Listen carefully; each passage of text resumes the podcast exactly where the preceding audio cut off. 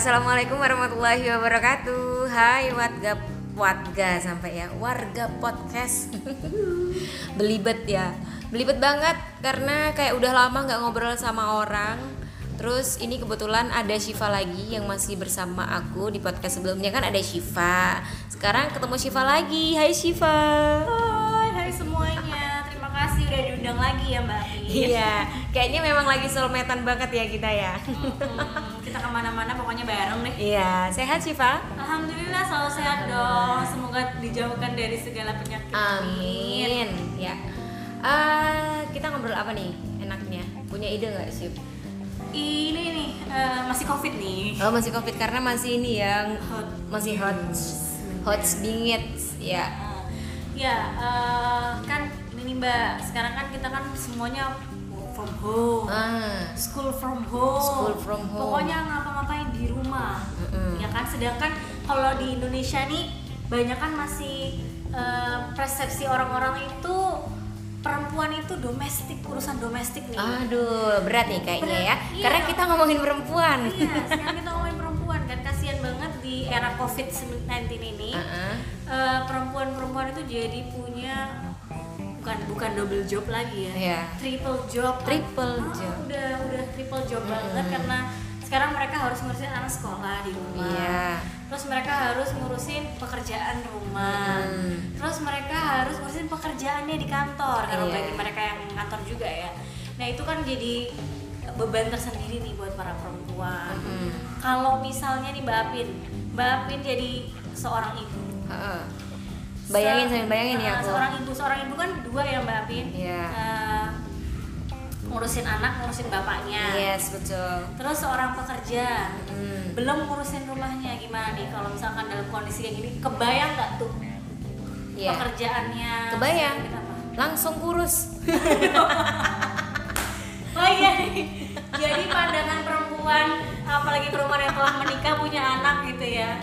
Kalau misalkan lagi covid, uh, mereka bilang bisa santai rebahan itu adalah hoax. Oh hoax banget ya. Iya, hoax karena kalau buat aku yang belum nikah memang karena covid ini jadi kayak banyak rebahan banget aku. Eh, terus olahraga jadi mager ya kan. Terus lebih banyak di rumah aja. Jujur selama dua minggu itu aku udah naik 3 kilo loh guys. Oh my god. Ah, ah, karena ya cuma rebahan doang gitu.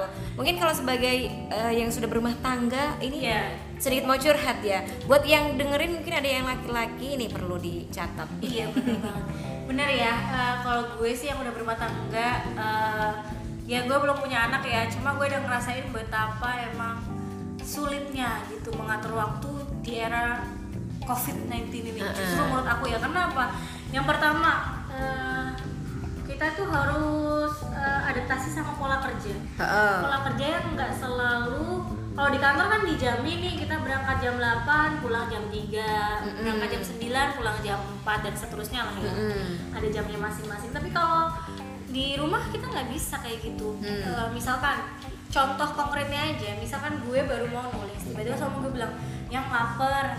Mm-mm. masa kita mau diem aja sedangkan doi nggak bisa masak otomatis doi minta tolong gue dong Iya. terus gue nggak jadi dong nulis ke belakang lah sedangkan masak itu kadang butuh waktu satu jam paling lama Minimal. ya. Apa ya paling lama itu? ya kalau gue sih karena masaknya gampang gitu Oh, ya gitu. satu jam minimal kecuali kalau gue harus bikin macam-macam kayak Mhm. harus bikin jus atau apa gitu baru nanti lama Heeh. nah rata-rata satu jam lah paling lama uh, gue masak setelah masak mau nulis lagi nanti kadang di rumah tuh justru nggak kondusif Mm-mm. misalkan kalau contohnya gue tinggal sama mertua Heeh. kan nggak kondusif ketika misalkan lagi mereka lagi ngapain rame di luar sedangkan gue harus nulis yang butuh keheningan Mm-mm. nah itu susah banget untuk eh, mengkondisikan kondisi-kondisi yang tidak terduga Heeh. nanti belum lagi eh, kalau misalkan melihat duh cuciannya numpuk, duh setrikaan numpuk, aduh kok lemarinya kok berantakan banget ya. Kita tuh akan disuguhi oleh pemandangan-pemandangan yang belum yang gak enak yang bikin kita gatel buat bersihin.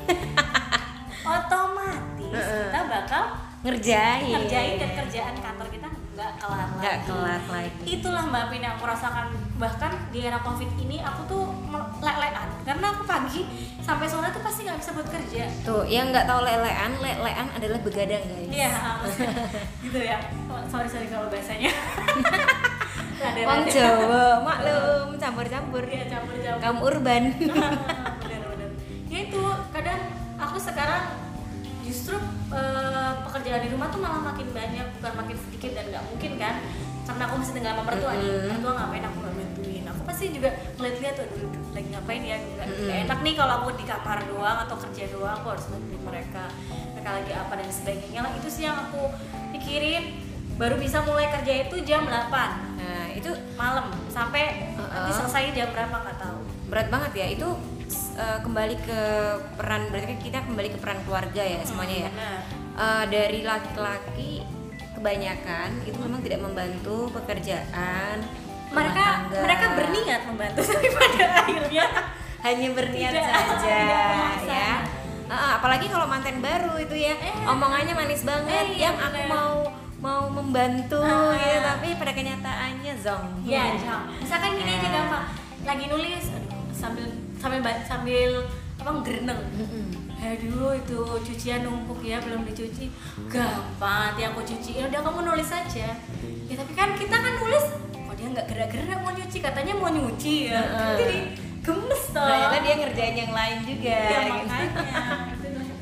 Jadi sama-sama banyak kerjaan cuman kalau masalah rumah tangga tetap ya kembali kembalilannya lagi ke perempuan lagi Iya, kayak gitu.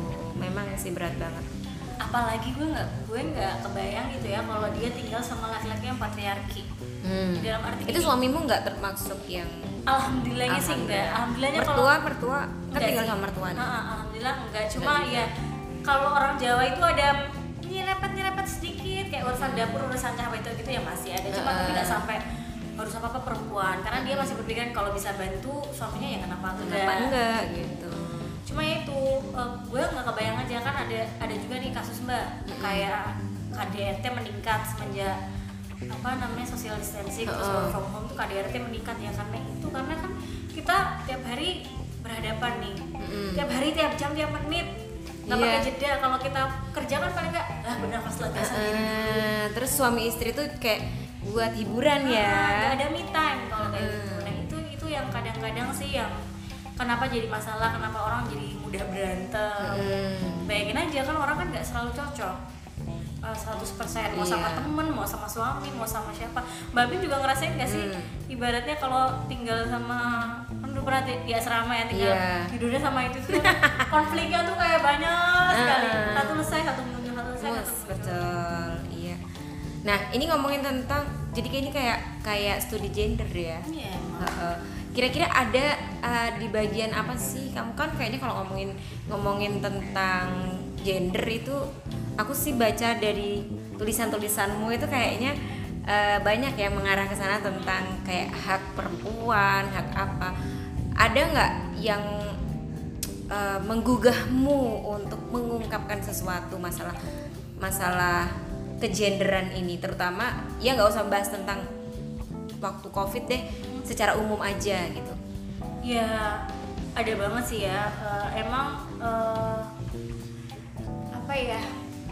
Kalau kita bilang kalau misal kita masih single nih, ya kita kita mungkin kalau misalkan kalian pacaran juga udah bisa sih, udah bisa kebayang gimana ketika orang berpasangan itu masalah apalagi untuk yang lawan jenis ya sama Hmm. lawan jenis kan beda persepsi, beda sudut pandang yang cowok merasa dia aku dengan laki-laki aku Yes. yang gagah yang merasa kuat merasa harus kayak udah ngelakuin apa-apa Iya, gitu uh, itu kan susah susahnya di situ sih makanya kembali lagi ke komunikasi gimana emang aku juga nggak tahu ya kayak udah genuinnya cowok gitu loh udah bawaan bawaan lahirnya cowok tuh dia brojol Mm-mm. mungkin uh, dirajakan gitu ya serba dirajakan.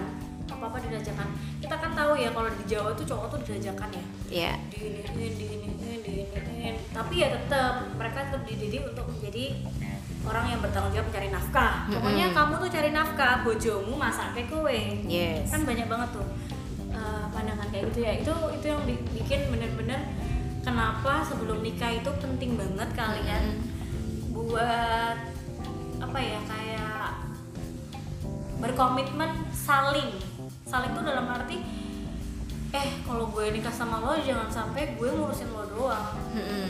gue nikah sama lo tuh kan bukan bukan buat jadi pembantu Ah, bukan gitu buat jadi pok- pembokat lo atau buat buat jadi budak lo ngurusin lo Mm-mm, doang betul. lo kan juga harus ngurusin gue jadi jangan sampai kita tuh cuma mikirin gimana caranya kita menghadapi laki-laki yang seperti itu tapi juga laki-laki harus memikirkan bagaimana cara menghadapi perempuan Mhm. jadi perempuan itu misalkan dia tahu oh perempuan itu tipenya begini begini begini berarti aku harus begini begini ya begitu juga dengan perempuan. Oh laki-laki begini begini begini makanya aku harus begini begini. Enggak dititik beratkan di perempuan doang karena selama ini kan yang kerasa kan emang di perempuan apa apa perempuan beratnya di perempuan. Kalau misalkan rumah tangga nggak sukses salah perempuan. Iya. boros salah perempuan. Atau punya anak salah Ah, perempuan. nggak punya anak salah perempuan. Nah, itu sih yang sebenarnya eh, nilai kesalingan itu penting. Kalau nggak ada nilai kesalingan ya udah bubar. Dalam arti tuh ada sih memang beberapa perempuan yang dianugerahi kesabaran yang luar biasa dari Tuhan yang Maha Esa. Karena memang aku juga yakin Allah itu eh, menitipkan satu hal ke perempuan yang namanya kekuatan. Kekuatan Iya. tuh ya kekuatan tuh segala hal. Bertahan bersabar itu cuma dimiliki perempuan. Karena coba cowok kalau dia dikit ya pasti dia udah merasa harga dirinya tersakiti dan aku nggak mau kayak gini aku sebagai cowok harus gini gini. Ya itu sih Makanya memang kita tuh eh, sebagai perempuan meskipun meskipun ya kita ditakdirkan untuk berbakti mungkin ada beberapa orang yang ada hikmah di balik covid ini adalah saatnya dia berbakti kepada keluarga dan suami gitu ya. Tapi alangkah lebih baiknya kita memang harus ya nggak harus juga sih cuman kalau memang ngerasa kan ada nih yang sebenarnya dia eh, haknya tuh sudah tercabik-cabik ya seorang perempuan tapi dia tidak berani mengungkapkan kayak gitu banyak kan yang seperti itu mungkin mungkin bahkan dia nggak berani ungkapkan karena dia tahu suaminya kayak apa kalau diungkapkan Hmm. meledak meledak kalau diungkapkan Nah. suaminya langsung nah, atau dia kadang-kadang cewek itu setelah menikah pikirannya jadi menurut pengalaman Hmm. aku ya pikir- pikiran tuh jadi rumit rumit dalam arti gini kan dia harus mikir aduh kalau aku ngungkapin ini aku harus siap ber- berurusan dengan mertua Hmm. dengan orang tua aku sendiri menjelaskan dengan bla bla bla Uh, takut nanti kalau di- dibilangin orang rumah tangganya gagal dan sebagainya itu pikirannya udah jauh banget mungkin makanya dia nggak berani mengungkapkan dia lebih baik Heeh. ya udahlah makan itu loh tadi sisi kekuatan yang dikasih Allah ke kita itu benar-benar beda gitu kalau aku Iya. bilang ya mungkin laki-laki iya Mm-mm. cuma nggak tahu ya mereka sadar atau enggak ya karena aku belum pernah ngobrol sama suamiku soal itu cuma ya itu aku ngerasanya kadang-kadang banyak perempuan yang oke aku terima. Ini udah nasibku kayak gini. Nasibku kayak gini nasibku kayak gini. Tapi justru kadang-kadang kan juga membuat sebel. Kamu tuh kalau aku memahami makna sabar yang Allah berikan tuh sabar itu bukan berarti diam. Iya. sabar itu mau melakukan usaha sesuatu. Entah lo mencari mencoba mencari jalan terbaik mencoba mencari eh, kemungkinan A B C D atau apa. Tapi melakukan sesuatu nggak cuma diem menerima menerima menerima Iya. dimaki-maki suaminya diem aja di diem Iya. Nggak nggak nggak. Itu nggak ada usahanya ya, Nggak, ada. ikhtiar. nggak ada ikhtiarnya makanya cuma doa doang ya Allah rubahlah hati suamiku nggak bisa. Kita harus ikhtiar gitu. misalkan ketika suami kita berbuat A kita nggak suka ya kita harus tunjukkan nggak suka. Tapi kalau misalkan suami ketika nggak kita eh, dia dia kita nggak suka sama sifatnya dia kalau kita menunjukkan dengan cara kan ada pilihan cara A B C D. Dengan halus dengan marah dengan apa misalkan kalau dengan halus dia terima dengan baik atau dengan bercanda dia terima baik tapi kalau dengan marah kita ya kita belajar untuk untuk menyesuaikan diri itu loh. Tapi nggak nggak diem aja kalau dimaki-maki diem aja terima. Jadi jangan sampai membuat laki-laki itu punya mindset halah kok kita wedo kira bisa ngopo-ngopo kok mengi sama manut aku aku bojo.